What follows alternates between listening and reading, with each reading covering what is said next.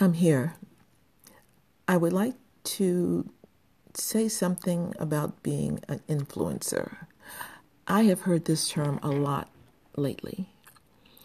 And I wanted to speak on my experiences or experience with being an influencer.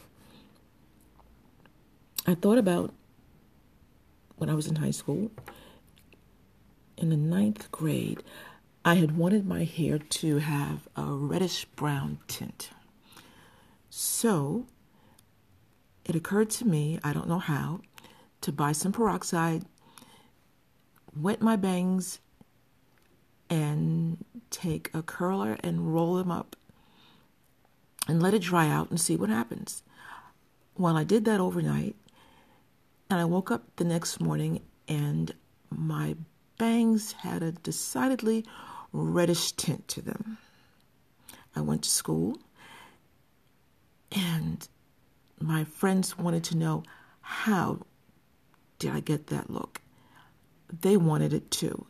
So I told them about the peroxide.